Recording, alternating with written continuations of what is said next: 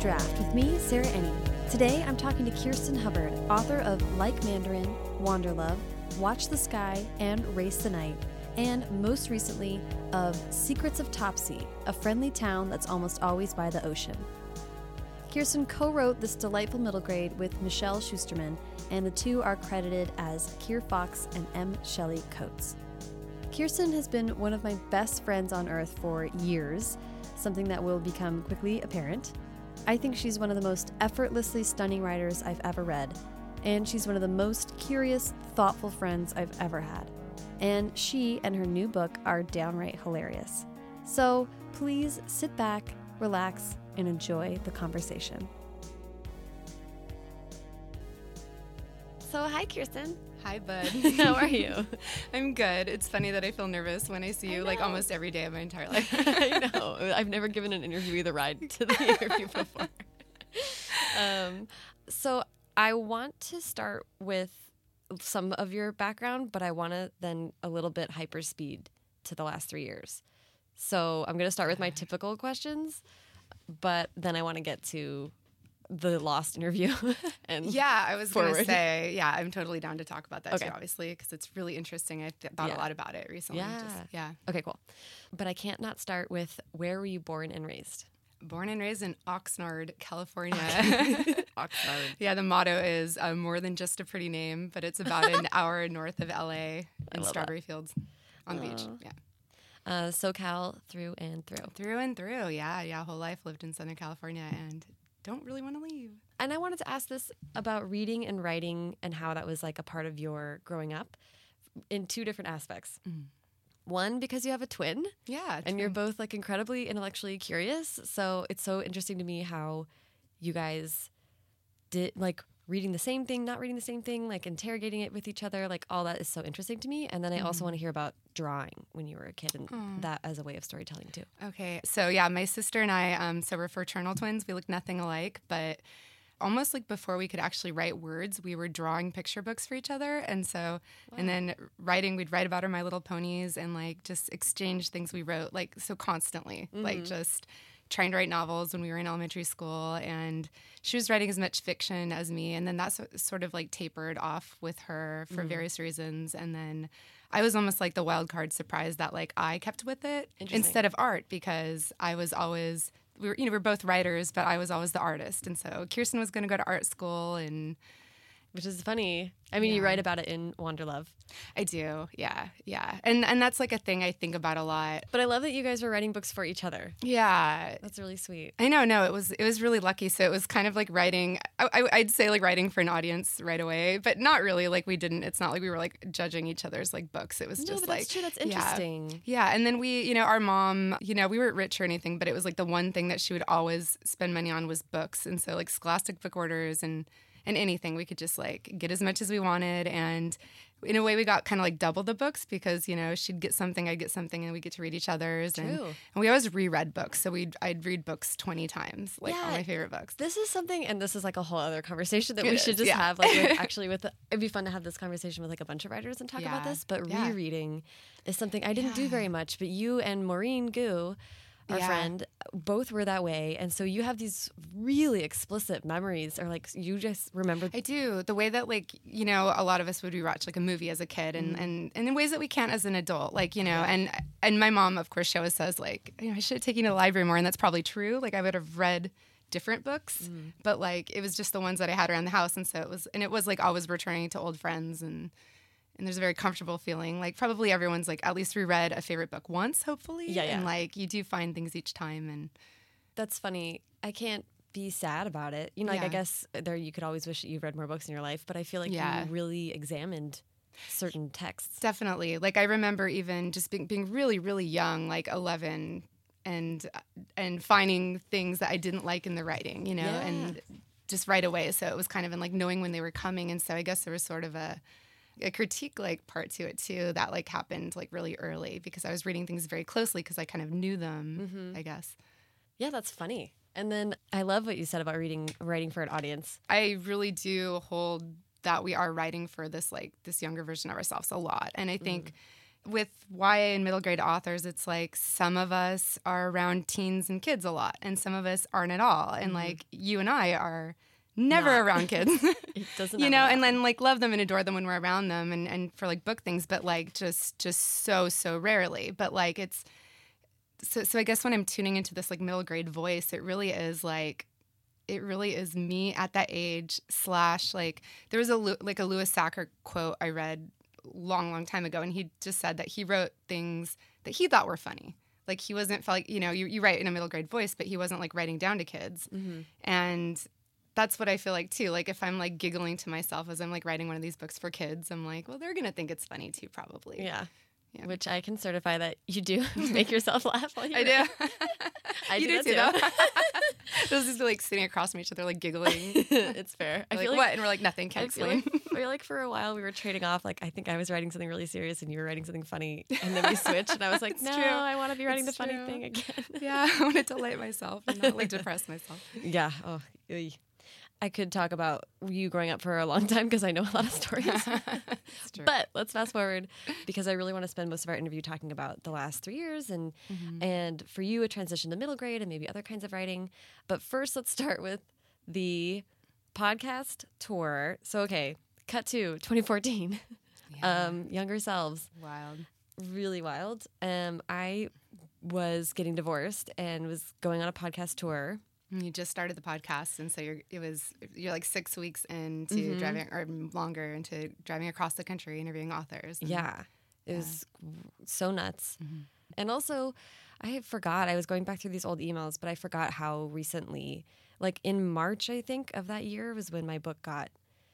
It got to acquisitions and then didn't sell, yeah. and I was like, and then I got divorced, and I was like, all right, so, So, that was March, and the, and obviously the divorce was like kind of it was early Like summer. May, yeah. yeah, May, yeah, yeah. So I was like, I'm getting out of Dodge and going on a road trip, and you agreed to come with me. Yeah, and part of it. and you were trying to decide where to live, and that was a big part of it too. Yes. And and on my end of it, you know, my marriage was in trouble, and I was like working through my, you know, feelings of gayness and basically reassessing whether, you know, I had always known I was bisexual, but he was like the, you know, I met him when I was 18 and married him and everything, and so I was just like really faithful to this one guy and, mm-hmm. and never had a chance to date women. And then it was mm-hmm. like for various reasons like really looking at it and reassessing it. And i had tried to leave once and then I wasn't ready and I came back and so and that was when I joined you on your road trip. It was mm-hmm. kind of like this stage where it was all kind of starting to go in that direction again, be like that was a stopgap, like I really need to look at this. And so I joined you for 10 days. I flew into Texas and Yeah, I flew into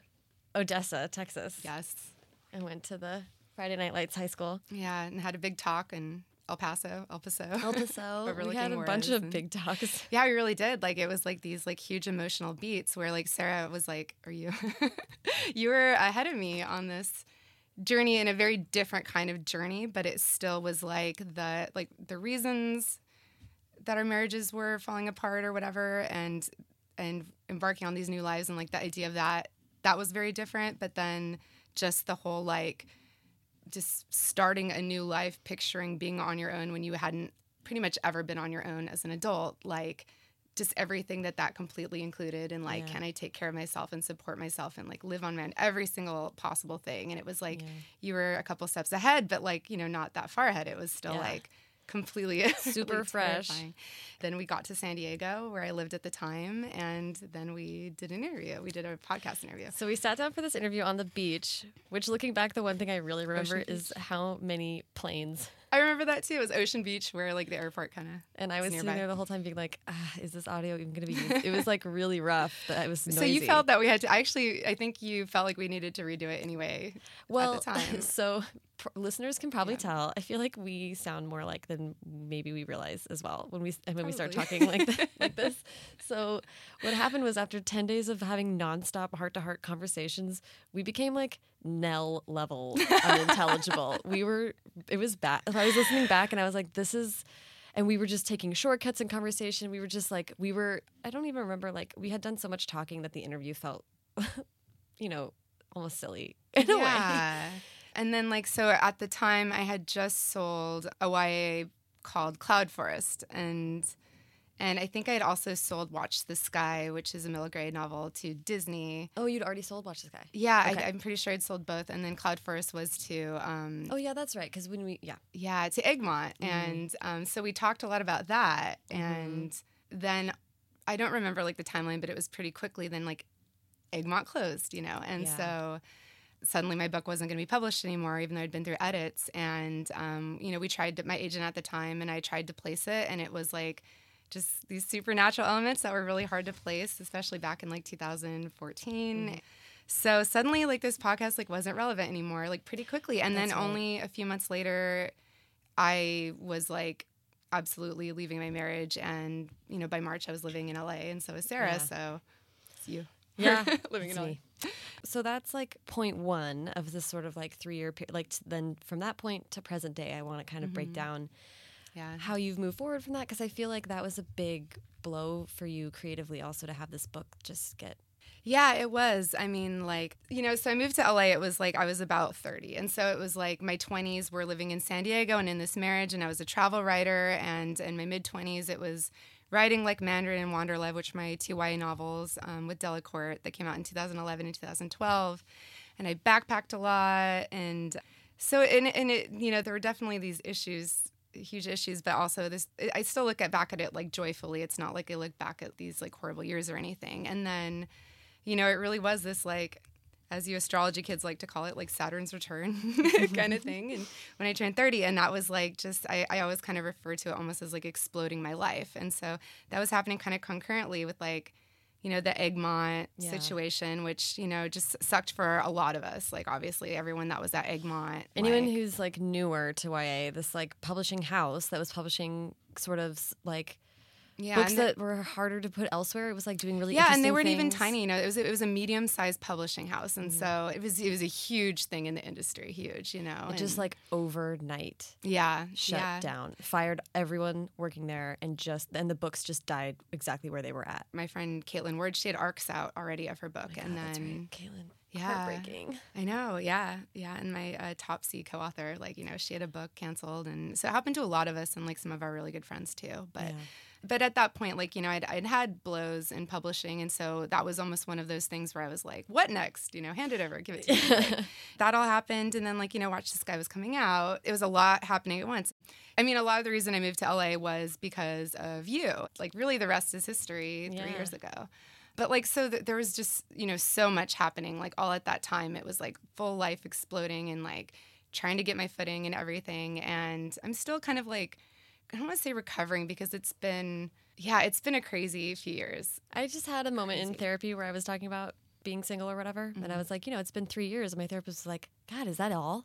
Yeah. And I was like, well, what a lovely perspective. yeah, I know. Great. Yeah, thank you. Like in the context of like whole life, it's like, yeah, that's like it's a blip, but it was like a very significant blip. I mean, I remember kind of early on when we moved to LA and just going on so many ups and downs and you said something about like just remembering to stop and like just take a look at it and like be kind of mindful of the moment. And like this is such a significant time in our lives because you know something that I, I think about a lot is like how like we really started over in like every way. And and we're still doing you know trying to figure out like what that's done to us creativity wise and like who we are here in LA and what kind of things we write here. And sometimes it is a lot of the same things but it's also it's also new things in new ways. And you know i did it right. I had that i you know was married and i had a beautiful house with a pool in san diego and a husband who we worked at restaurants together. But then you know he's an executive and i, I did it all right in that like straight way.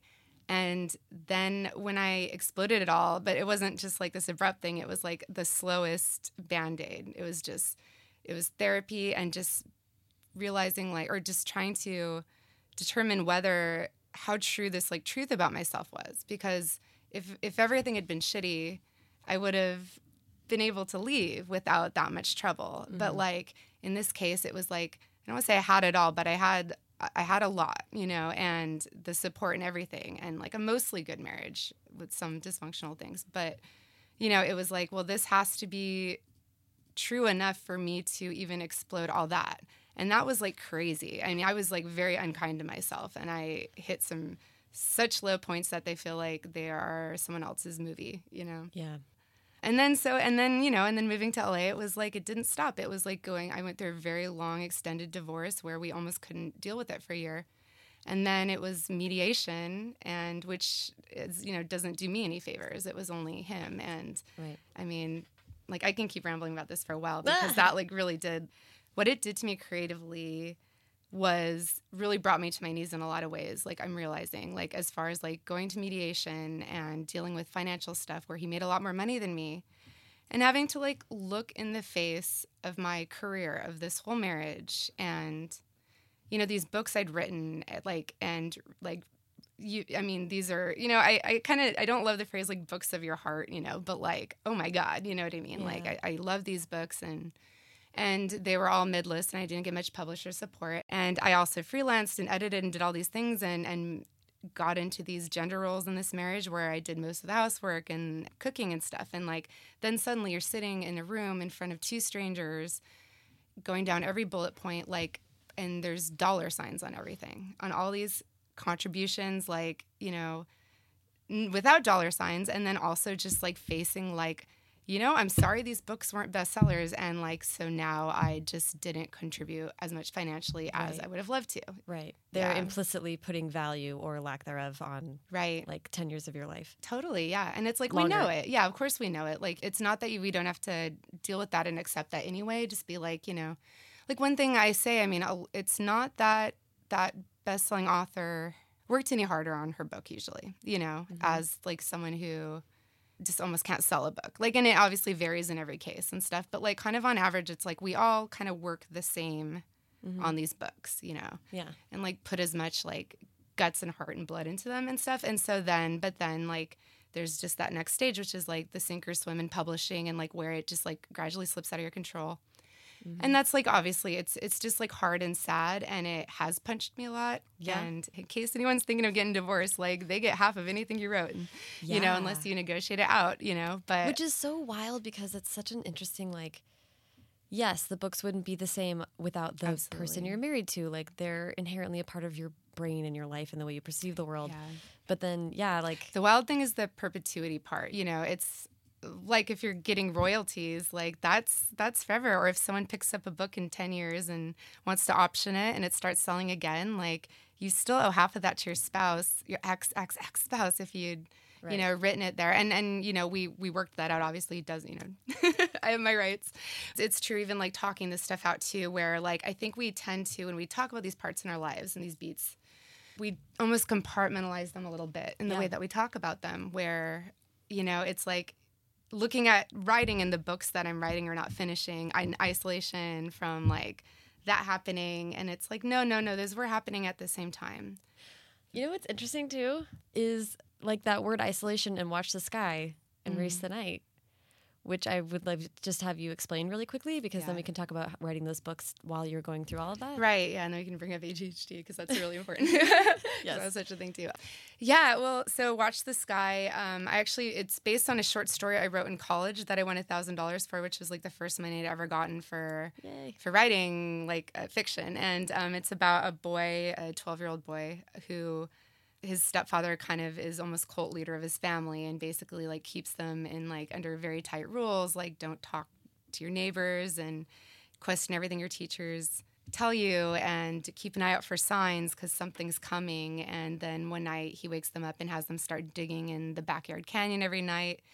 And meanwhile the boy is starting to make friends at school. And so it's like you know it's about like questioning and questioning belief and things we're told and who which are the right things to question and um, and then race the night is a companion book and you don't know how they link up right away but it's about a group of kids sort of a compound that live on a desert ranch after the end of the world and um, Oh, and or is it? about- can yeah you or say is that? it It's uh, Yeah. also questioning. Yeah, it is a questioning. It is like also like these are this is everything you've been told and nothing is left and Kirsten, um, you're like one of my best friends on earth. How have I never connected the fact that these books are about your like that? I don't know. I haven't connected it. I wrote them. I'm like, wait, I, I don't even know. I feel like I'm not even thinking on it. I mean, when It's- you think about it like It that, is. It, it really, yeah, no, it's really, it's actually, yeah, that's like super true, actually. okay, well, I'm gonna have to sit with that for a while on my own. we'll get back to that. Yeah, no, that's it's really interesting because like, you know, one thing I was working through on my own where where it's like how we can intellectualize things and be these like, you know, just super intellectual and feminist and all these things in certain ways and then somehow it's like we make these excuses in our own lives or like don't let ourselves like complete the thought you know like as mm-hmm. far as like the gender roles i was in in my marriage it's like anyone that knows me today finds that like completely completely baffling like they can't even picture it mm-hmm. you know and yeah. but at the time I would have said I was like, you know, I would have made excuses for it in my own head or you just don't quite go there like yeah. with the things that aren't okay. Yeah. Yeah, and so it's like allowing yourself to question is like the first step of wild. like path that doesn't have an end in sight. Yeah, yeah, that's super scary. Yeah, slash religion. Um, slash all of it. I mean, because also it. it's the the books are wonderful because you're also like we're both pretty interested in cult things. Yeah, and, and just fringe fringe things and fringe of society yeah. and people who and... choose to not question or right. to accept other answers absolutely that yeah. seem on the surface or outside of the context of those worlds wild mm-hmm. and very mm-hmm. unbelievable, but people are yeah. so wide eyed and accepting. Yeah. Oh my goodness. Absolutely. especially especially in recent times and stuff. Yeah. And so it's like, you know, um, Race Night came out on election day, and that you know, one way or the other, I it was a bad it was a bad day for a book to come out, but it yeah. really did get lost, like more than any of my other books, and like and even with myself, I mean, there was like, you know, I wasn't gonna, I wasn't gonna tweet about it that first yeah, week, that, and yeah. yeah, it was, it was, so it was like a bummer, and there was just obviously like a lot of noise and stuff, and and what can you do? I mean, that's a lot of it too, where it's just like, you know, when or how hard do we fight, and what's worth doing? Like even when it comes to like promotion and and putting yourself out there, and then like when do you like forgive yourself and allow yourself like it's okay you don't have to do that thing and i think i've been a little too forgiving of that but also because like I mean, I've been run pretty ragged emotionally for like those first two years here for sure. yeah. Know? Well, yeah. Yeah. I mean, and publishing, is, publishing has done a number on you. You know, you've it really gone has. through a lot. So yeah, it has. Yeah, and and like it, it just becomes this thing where you know, well, now I'm a single, a single. you know, and it's the thing where my time feels like even more important because it's like not having, you know, that safety net of like a partner to take care of me. And it's great in some ways, you know, because yeah. it, it pushes you. And but like, I don't know if I'm getting any more done. I think I'm just more afraid, you know. Wow. Yeah, that's interesting. Yeah. Uh, Which is not okay. well, it's. But then I think of what I've done in the last few years, and I'm like, you know, I well, I wrote three books and or two are co-written, and like revised the heck out of another one, and wrote a screenplay and stuff. So it's like I've been been busy, you know. Yeah, you've been doing stuff. Yeah, it's like it's such a weird funhouse mirror to look at time and to contextualize it. It's almost yeah. impossible when you're in it. Yeah. in these moments, you know. Well, one of the most fortunate things has been you, which is like, I mean, I was, you know, I grew up with a twin. It's kind of like I've never not had a partner. I feel like, you know, and you're like my partner, but oh, in a different true. way because we're both very, with our own things completely going on. We're very independent, but it's like, you know, growing up with a twin and being in the same classes, it was like someone to you know ref- bounce your life off of you know it was like we can I, I, feel so lucky we're in the same classes it's like you can remind each other of things and mm-hmm. and um, place your memories and then you know and then i went off to college and met my ex-husband and mm-hmm. and all those years and then moving to LA it was like well we we kind of did in this way we call each other like author spouses basically yeah. but yeah. like we have each other to bounce these three years off of. Yeah. Which is like huge, you know? Yeah, it's absolutely like, huge and and helps in processing and all that stuff. Absolutely. And yeah. then of course I like love your work and having you read my work and help me bring books into the world is like the most important thing. Sarah's thing. writing's amazing. Everyone by telling everything. It's so good. it's so good. Yeah, it's so good. Well, okay, let's I want to make sure that we get to Topsea as well. Yeah. but I but thank you for sharing all of yeah. that because I think it's really important to talk about. Yeah Oh, and then of course just being gay. but yeah. Like, but yeah, yeah, but that's actually one thing I just want to say. Like being gay has been like the honestly the easiest part, and that kind of surprises people. But it's like coming out in Los Angeles, in Silver Lake, as someone who always knew she was at least bisexual. Now I now I just I do say gay, but I was like just completely ready to like own it and it's cheesy but it felt like coming home in a sense it felt it felt right and comfortable and that's been the biggest like validation as far as like oh no this was the right absolutely the right thing yeah, yeah so so it, you know that was just like finding friends and that are gay in the city and that kind of thing. And there's like minor struggles as far as tra- travel and stuff, but a lot of it's just dating and Mm-hmm. small town dating. Yeah, which is you know Oh, every, every every single has these Yep, these woes.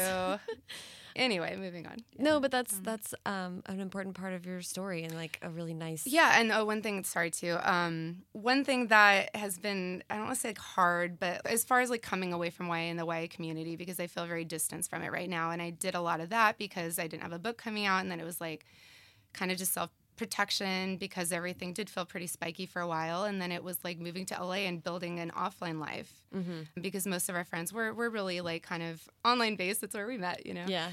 and then it just got farther and farther and but needing to make like offline friends of course like that and and queer friends like in the city you know have been like so so important but also just because if you know as you know if we if we work from home that day then we also come home to ourselves and our cat and our dog you know we don't live together but yeah and then you know if you if you didn't leave you didn't leave and that's like really it and so it's been like completely crucial to like make Yeah. friends and we do have uh, you know a, wonderful author family in los angeles like it is like amazing how Yeah. many people we know here in la And so That's supportive and lovely and yeah queerness has been such an important part of my life like you know espe- es- let's say especially like the last five years even when i was like in my marriage you know toward the end and just really like being like oh i can call myself queer you know? Mm-hmm.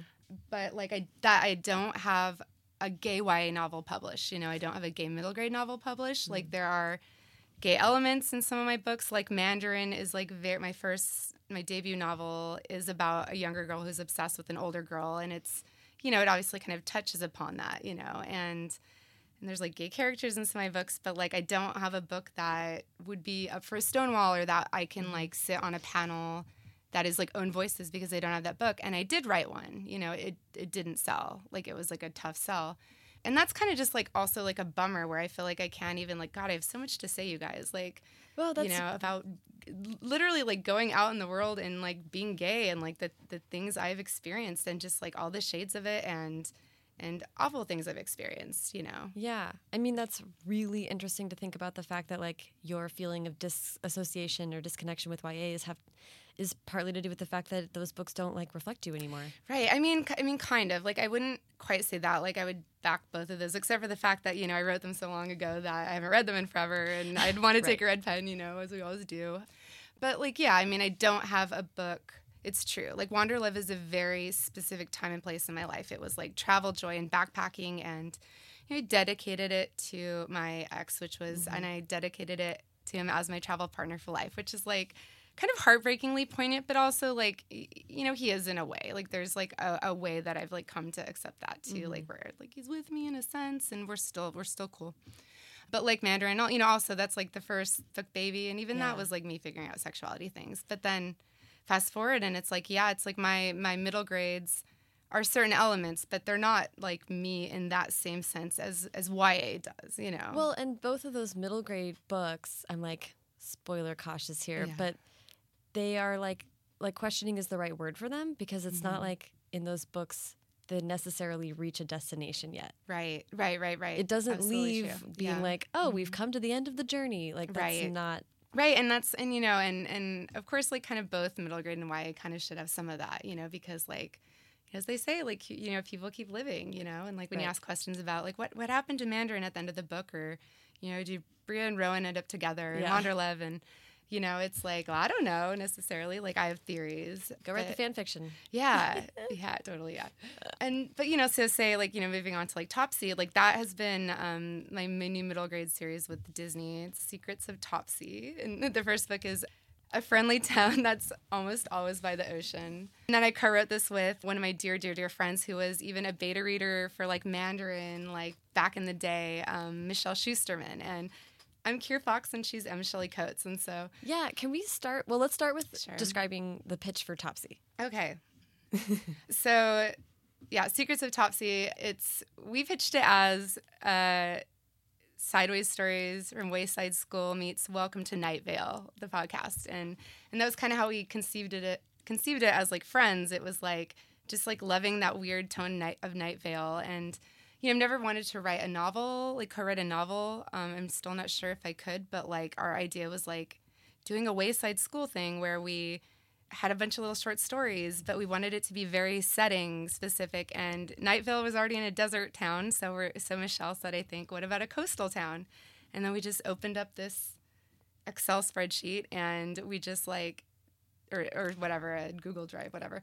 And we just um, typed in weird ideas that were coastal related. And almost all of them made them into the first or second book, just like weird random things like like rock cats, like these cats with yellow eyes and sharp teeth that just live in the rocks and stare at you when you walk by or dogs are mythical creatures and, and we just like, you know, just read all these random things and that was so fun. And then we each wrote a few stories and then we ended up having seven kids and now there are kids that are going to be featured in every book and like that was just like it was like so so fun but we started that i think even back before the first podcast episode so Really? yeah we, we started it and then our agents weren't they i think they just didn't quite get it like my Mm. agent at the time like like loving the writing but not quite seeing what we wanted to do even though we felt we had a strong vision for it and then i had to write race the night and she had a book to write and then you know then my life exploded and moved to la and everything. And and then at some point we just i, I think i when i was looking for a new agent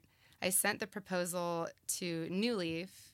And you know i think Jo and Suzie and jada like all read it and they were all really into it. And i was like maybe we have some traction with this still. And uh, michelle talked to her agent sarah davies again and and, and they basically decided we needed to write the whole book and not try to sell it in proposal. And so we did and it was a lot of fun and Yeah, I'm gonna break down more specific questions about how you co-wrote Sure. it, but but I do want to ask about the choice to not use your name. Yeah. There's two reasons we chose the pseudonyms. And like, and you know, first it was like kind of just because it's like a younger audience and just having this like extra step between kids that age, like finding, you know, us, but especially me on social media.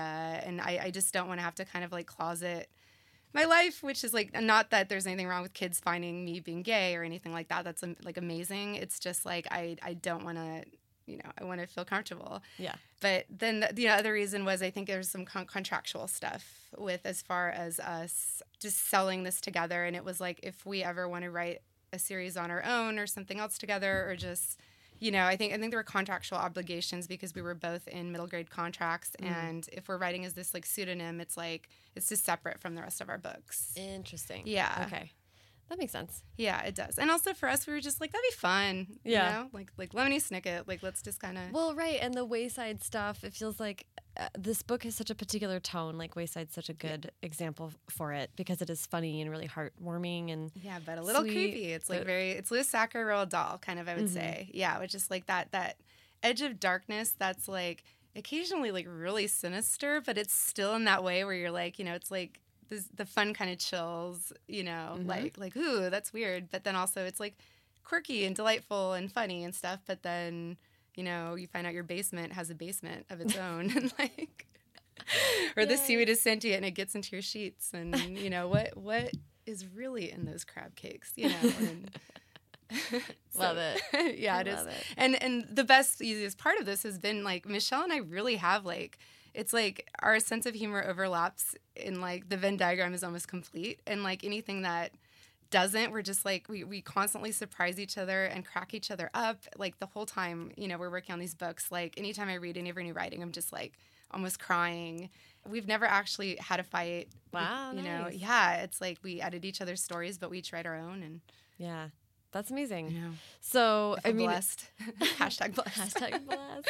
I like that. It almost seems like with this particular tone, it almost is like a storyteller vibe. Like I feel like Kir Yeah. Fox and Shelley, M. Shelley Coats, or just Shelley, yeah, M. Shelley Coats. It's true. Yeah. We, so so Topsea, it's there's like one. There's seven kids. There's one main kid who gets five stories, and all other kids get like a story or two, and they all interlink, and there's like overarching, you know, plot lines and stuff like that. So it's you wouldn't quite call it a novel, but it's more linked to than like a book of short stories. But there's also like newspaper clips and and notifications from the town and like And you know, there's also a lot of excerpts from a book called Everything You Need to Know About Topsea, which is by Fox and Coats. So there is this like, you know, I guess you say arc in that like Lemony Snicket way. Yeah. Where we're not quite characters, but there is like this you you know, you can see us looking in on the town Yeah. as these like personalities. And that wouldn't work with like Hubbard and Schusterman. Right. That's the law firm. Can you please make that the law firm? oh my god. Ah. that is so lovely. Like I'm sort of also trying to cover in the podcast like really kind of nuts and bolts like things about being a professional. So literally People nuts and it, yeah. bolts co-writing. How did you guys approach it? Cuz you are she lives in New York City. hmm Yeah, so I'm in Los Angeles. She's in New York City. We've never written together, actually, and we don't really ever talk on the phone. It's like mostly been email and, you know, taking notes together on like Google Drive and texting a lot. But let's see, what did we do? I mean, so first there was all that like brainstorming and then kind of like deciding which one of those were stories we wanted to write and kind of like claiming them and sort of alternating and Did you know you wanted to do it's like almost like a connected vignettes a little bit. Yeah, yeah, yeah, exactly. Yeah, and each each chapter is like they are like complete short stories with like a you know you could read one on its own usually, mm-hmm. you know, but there is like a over like overarching plot lines for like the whole book and stuff like that, which was probably I guess it was like the harder part. I mean, in the way that we wrote the first one was different than the second one. The second one is like complete. It's been through copy edits. We're close to like revealing the cover. Um, and that one like fought back a lot. Like this one was like us kind of we had more time and kind of like finding our footing with it and the stories are very connected but like not in the same way as the second one the second one has like like more that is like very very important threads that like carry through and a lot you know that and so that they kind of like brought us back a lot. Hmm.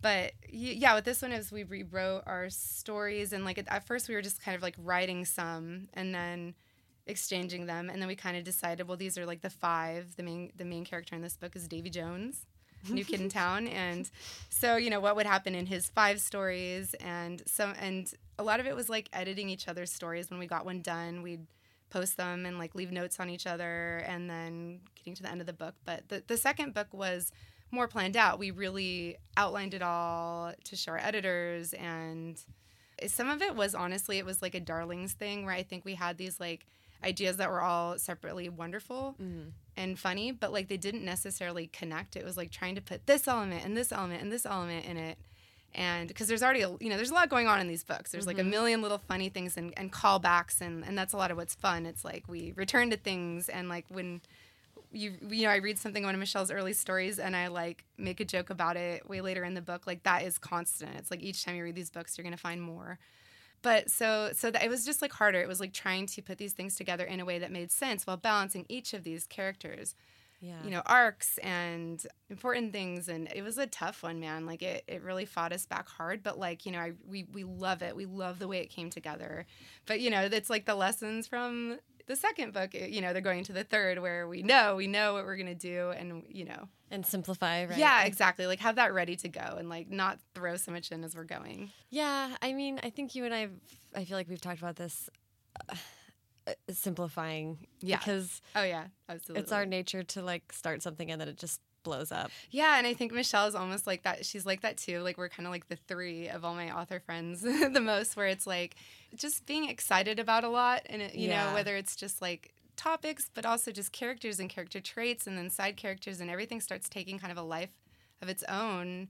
Yeah. And you know we're always like you, you see all the directions everything can go, and then there's a point where looping them all back around satisfyingly and in the right in the right balance and like keep holding it all in your head and like Yeah. you know, pulling that thread in the tapestry and it's like unraveling that over there. And it's, you know, just that thing where I think a lot of us finish a novel and we're like, how, how, how did we do that? yeah. You know, it's actually wild. Like It's brain stretching. it is. And, uh, you know, everyone out there working on a novel like knows it, you know, Yeah. and especially when you're, you tend to overcomplicate things a little. and- I was Yeah. rereading. Um, so it's been interesting. The I'm in the process right now of planning a rewrite of a book that I've been writing since 2012, and I went back and reread this the book that I think the version that I ended up with in 2013 at some point. So going back and rereading it, I was like, "What is all this stuff?" I'm like, there's so much stuff happening in this book. Why? Like, and stuff I didn't Yeah. remember. And I was just like, why did I put this many subplots on myself?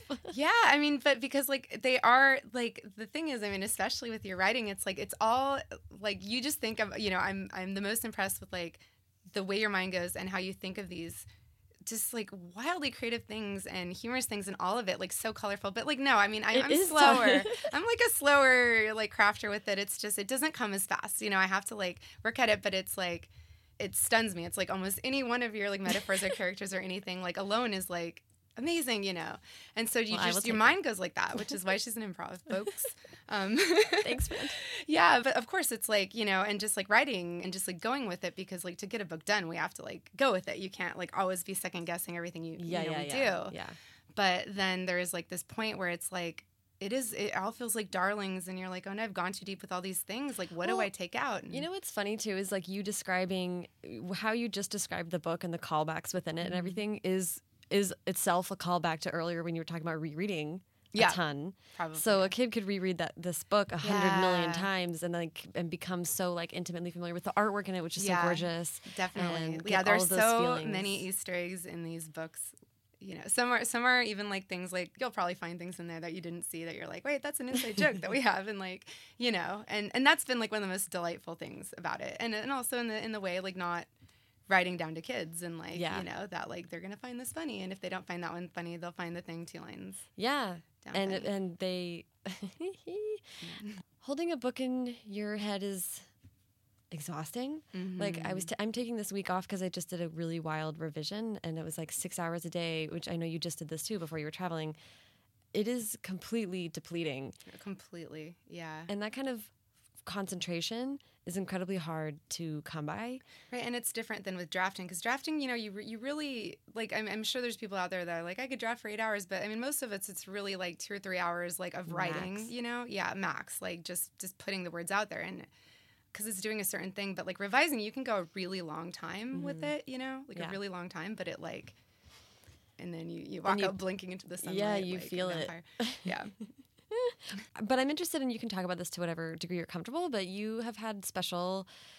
Needs. I'm not going to use the know, word special. it's- oh my gosh! But you have no, it's okay. Like uh, complications with concentration. That's your memoir. yeah yeah oh my gosh yeah well no so i i i have add adhd whatever you want to call it and um like my family does too my sister and mom do and it's you know not like i like actually have it diagnosed like um and medicated for it try to keep it real low dose but I've I always kind of knew that, and I was like a kid who blurted things in class and got in trouble, and but like you know, and that's like a thing I'm I've been fighting against, and like I think you know in college I got amazing grades, and I was a writing major, you know, creative writing major, and because it was like something I loved, and I was like really finally I think it was college UC San Diego like getting myself to do the work ahead of time because it's like if you don't do the work and you're in a writing class of 14 people it's like embarrassing as hell. Yeah. and you know And in you high school you can just get away with this shit you know?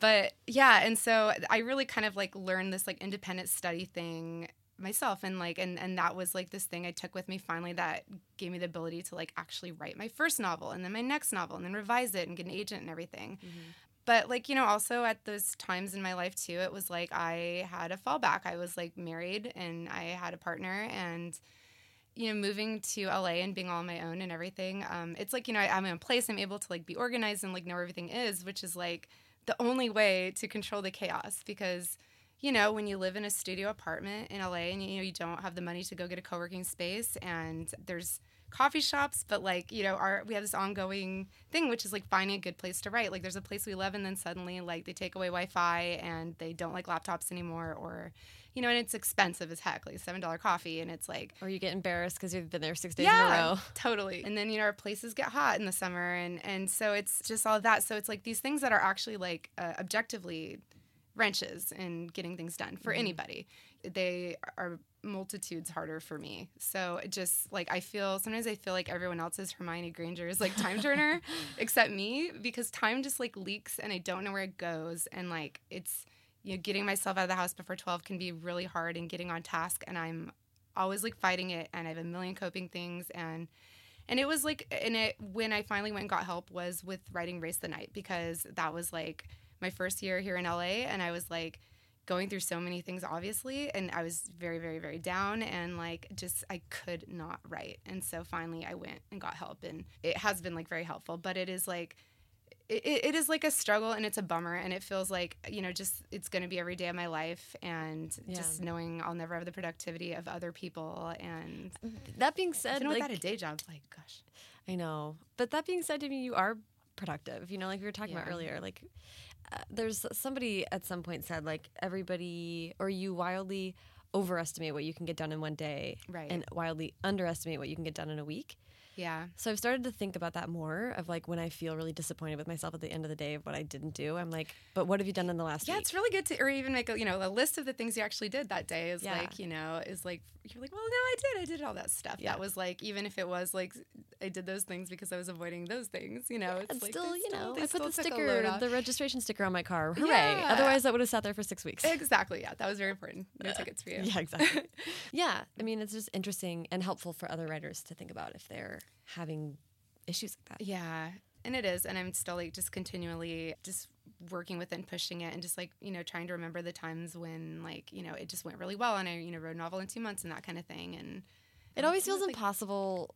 I mean, you were there with me through writing Tell Me Everything, which was really, really a struggle. And like, I basically wrote it three times. Yeah. And then the only time that it really, it was just, I felt, it started to feel like it was not going to be possible.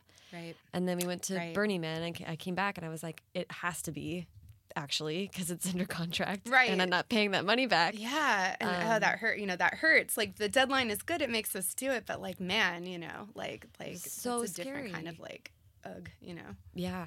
But then it was, I mean, it's just like it can feel when you're out of it, even for a little bit, it feels so scary. Like you're, at least to me, I was like so worried that I lost it or something. Yeah, totally. But like the be- it's kind of like you know I hate comparing it to going to the gym because it's like better. but like you know when we, but like just that thing where it's like well I mean that that quote you know we were just talking about where it's like you know I hate writing I love having written I mean it- which isn't entirely true because sometimes like we love writing you know but it's like it really is like those specific times where I'm like I remember loving writing that scene that one scene you know but Mhm, mhm. well, no, I was just talking about that at the gym actually. where I was like, oh, it's so lovely when we're done with this class. yeah you're like I did it I did that thing yeah. So, okay, I do want to talk. Well, do you feel like we talked about the darkness of it? I mean, that's been part of like the narrative of your middle grade, Yeah. like career. You know, like Yeah, I, I- what's I drawn into that age range and everything. Yeah, I guess Topsea. It's like a funny book, but like I said, it is like a creepy book, and there's these elements of darkness, and of course, like Watch the Sky and Race the Night. You know, are pretty dark topics, like for kids. And there's always like levity in my books, and there's always like humor and things, and like these Heart. you know, there's a lot of heart. Yeah, you know, but like, of course, you know, and I remember when I started writing or when I was writing Watch the Sky, just really realizing like this responsibility that I didn't feel in the same way with teens because, you know, teens can. It's obviously we have a lot of like, there's a lot of accountability in writing for teens and like we have to think about that stuff but like not in the same way with kids where I was like this might be the first time a kid is like really thinking about like the apocalypse or something you Mhm. know or like you know, or like a bunker, or like you know, or race the night, like with this, you know, the end of the world has happened, and everything's this like desert, and and I remember, you know, we remember those books in middle grade, like they stick with us forever. They're just like they're stuck in our ribs, like yeah, totally. The first, you know, whether they like scared us and kept us up, or just like, you know, they they they change the way you think more than YA books, just because you know teens know everything already, and yeah, well, and also I was thinking about this in the context of why, like when we're trying to describe how Yeah. books like Topsea are dark, and I was like thinking that you know when you're, uh, let's say middle grade age is like what, eight, to, eight to twelve or some or so, you just don't know anything. You your Right. vision of the world is so limited, and then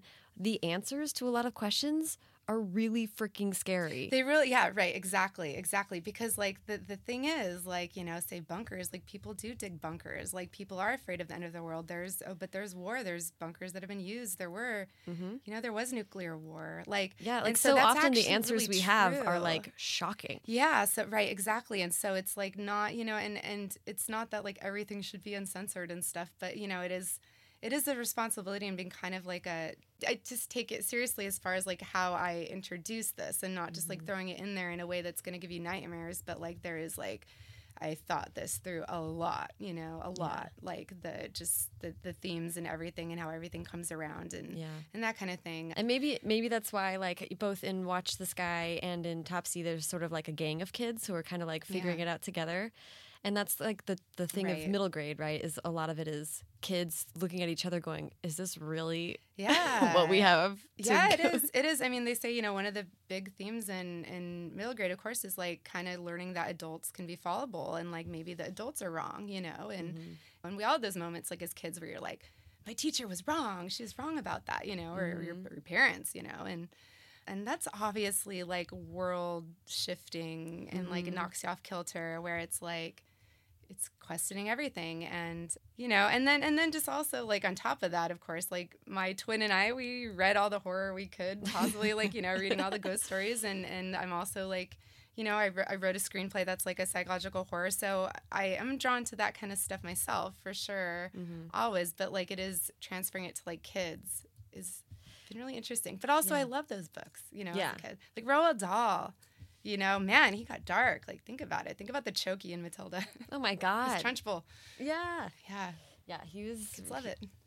kids totally love it because I think there's just some like looking right at it element Yeah, that is so so cathartic. absolutely. Right, And if you can look at it like like I mean, what's lovely about this is that books are so thought through. You know, it's Right. not like you're giving them throwing something scary at them and then right, and then the series is over or Not whatever. at It's like it's like no, you we're introducing it to you in this sort of safe context where we're providing Right. some kind of world for it that's to exist. right. in. Like we take it very seriously, and it's it's like because we were there, and I remember it. I remember those feelings and and working through them, and then like growing and then aging. Mumble, mumble, how old we are. But like you know just just just like where it is it's like there is this moment where sarah you and i were out in the desert at burning man and where like you know just i was very like aware of everything going on out there. And you know we're like outside outside reality in a sense out there. Like we just live out there in this desert apocalypse of art and beauty and everything. And it was like night and i was just so aware of everyone's experience out there at that moment. Just like how everyone here tens of thousands of people are all looking at something. Like whether it's the inside of their tent or like that giant flaming octopus or like you know just just something. Everyone's like a, a tv screen. If we could only like flip on each one you know i was just really mm-hmm. aware of that. And you know we were talking about that and just like how we're we're always like you know taking these things and, and writing about them and, and like the mm-hmm. responsibility of, of trying to do it to like give it to another audience that maybe can't make it out there to that desert. Mm-hmm. And then i was like we're translators you know? And i've thought about that ever since. Like it is like a just like a interpreting things and like we you know having this gift of language mm-hmm. and this like love for language and putting thoughts and images and everything like just like so beautifully with cadence and everything and just mm-hmm. like this way that like you know also sticks in your ribs and yeah. and but we are we're like taking everything we see and experience and like trying to be like re- Boiling it. repackaging it and like here like now, now do you get it Yeah.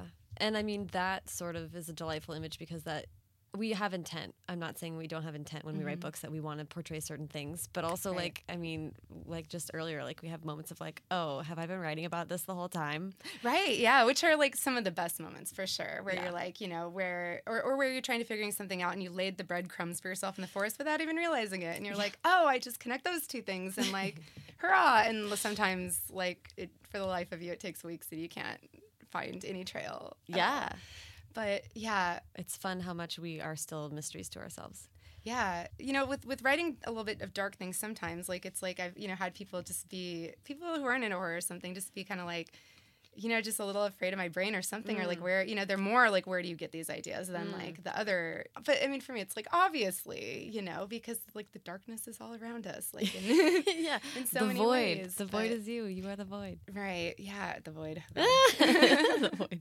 Well, it's funny too because I mean, I don't think that if someone met you without context, they, I don't know if they would think you were writing these types of books. No, and that's the thing too. I mean, because Wanderlove was like my joyful book, like my travel YA. It was like I think of like the word for that was like joy.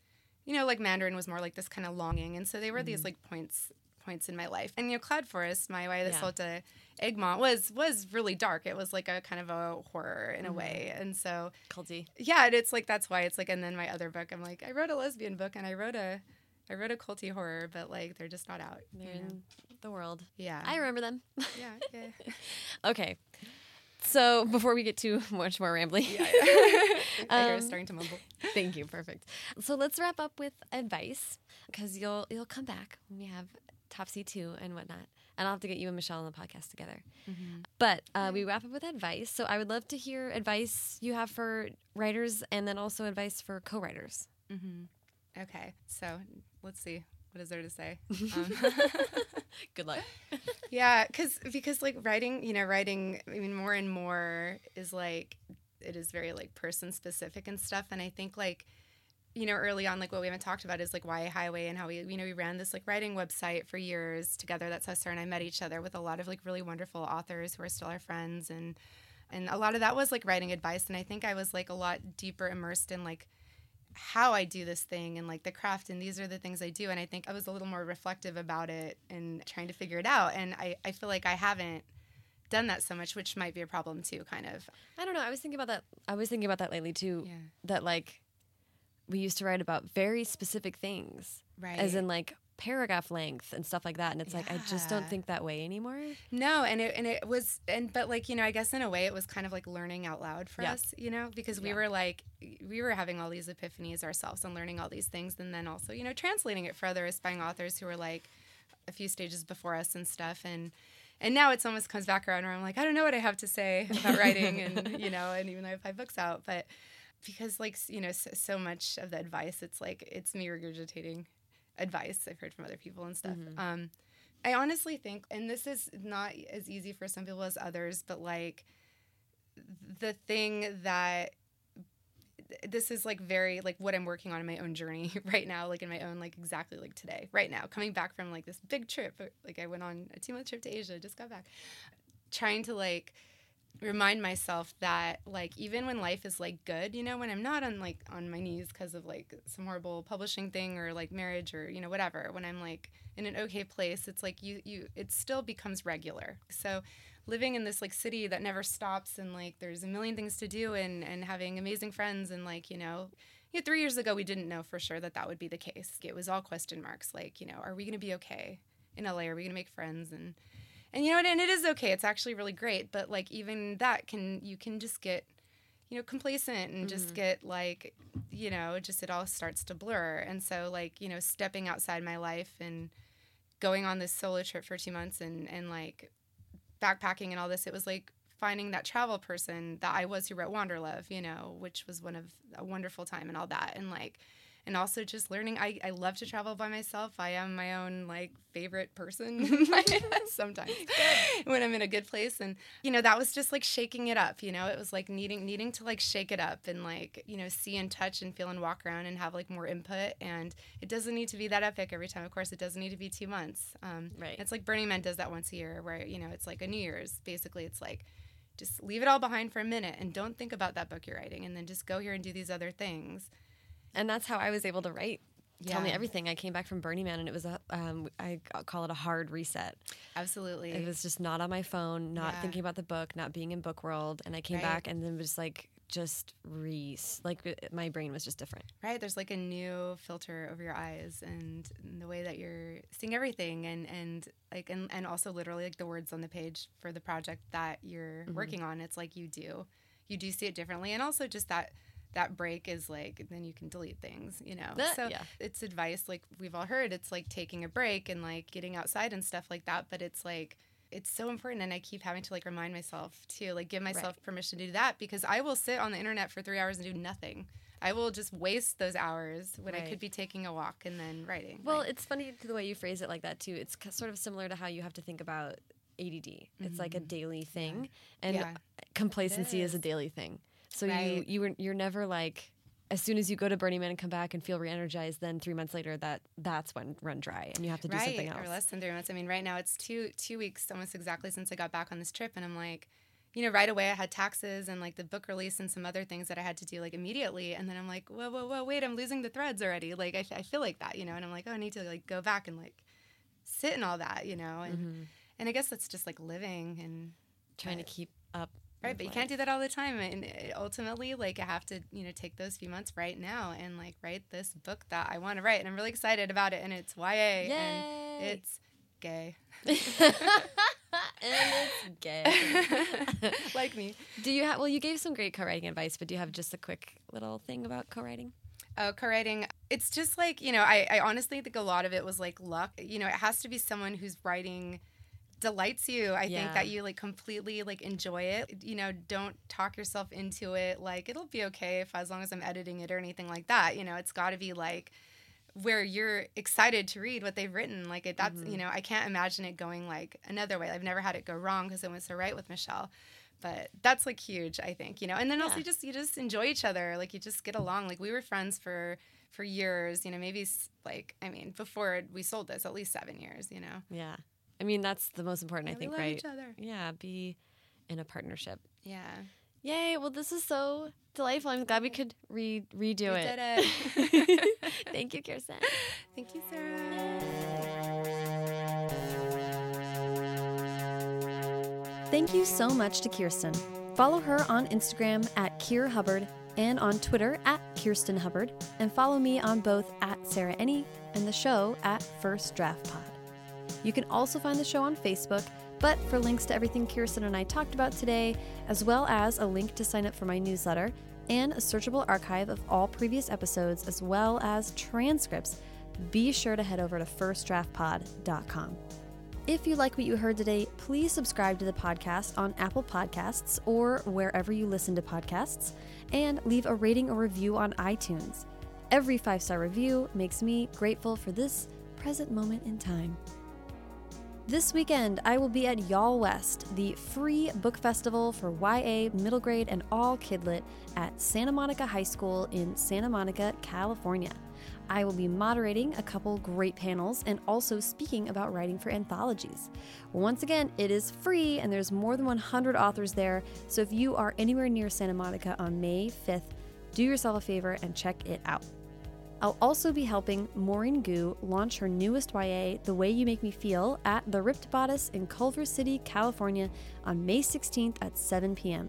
Maurene is the best, her new book is the best, and The Ripped Bodice is the best, so it will be an event for the ages. 7 p.m., May 16th. Don't you dare miss it. I'll also be at BookCon and Book Expo America. If you want to know about my upcoming events, check out firstdraftpod.com. Haley Hirschman produced this episode.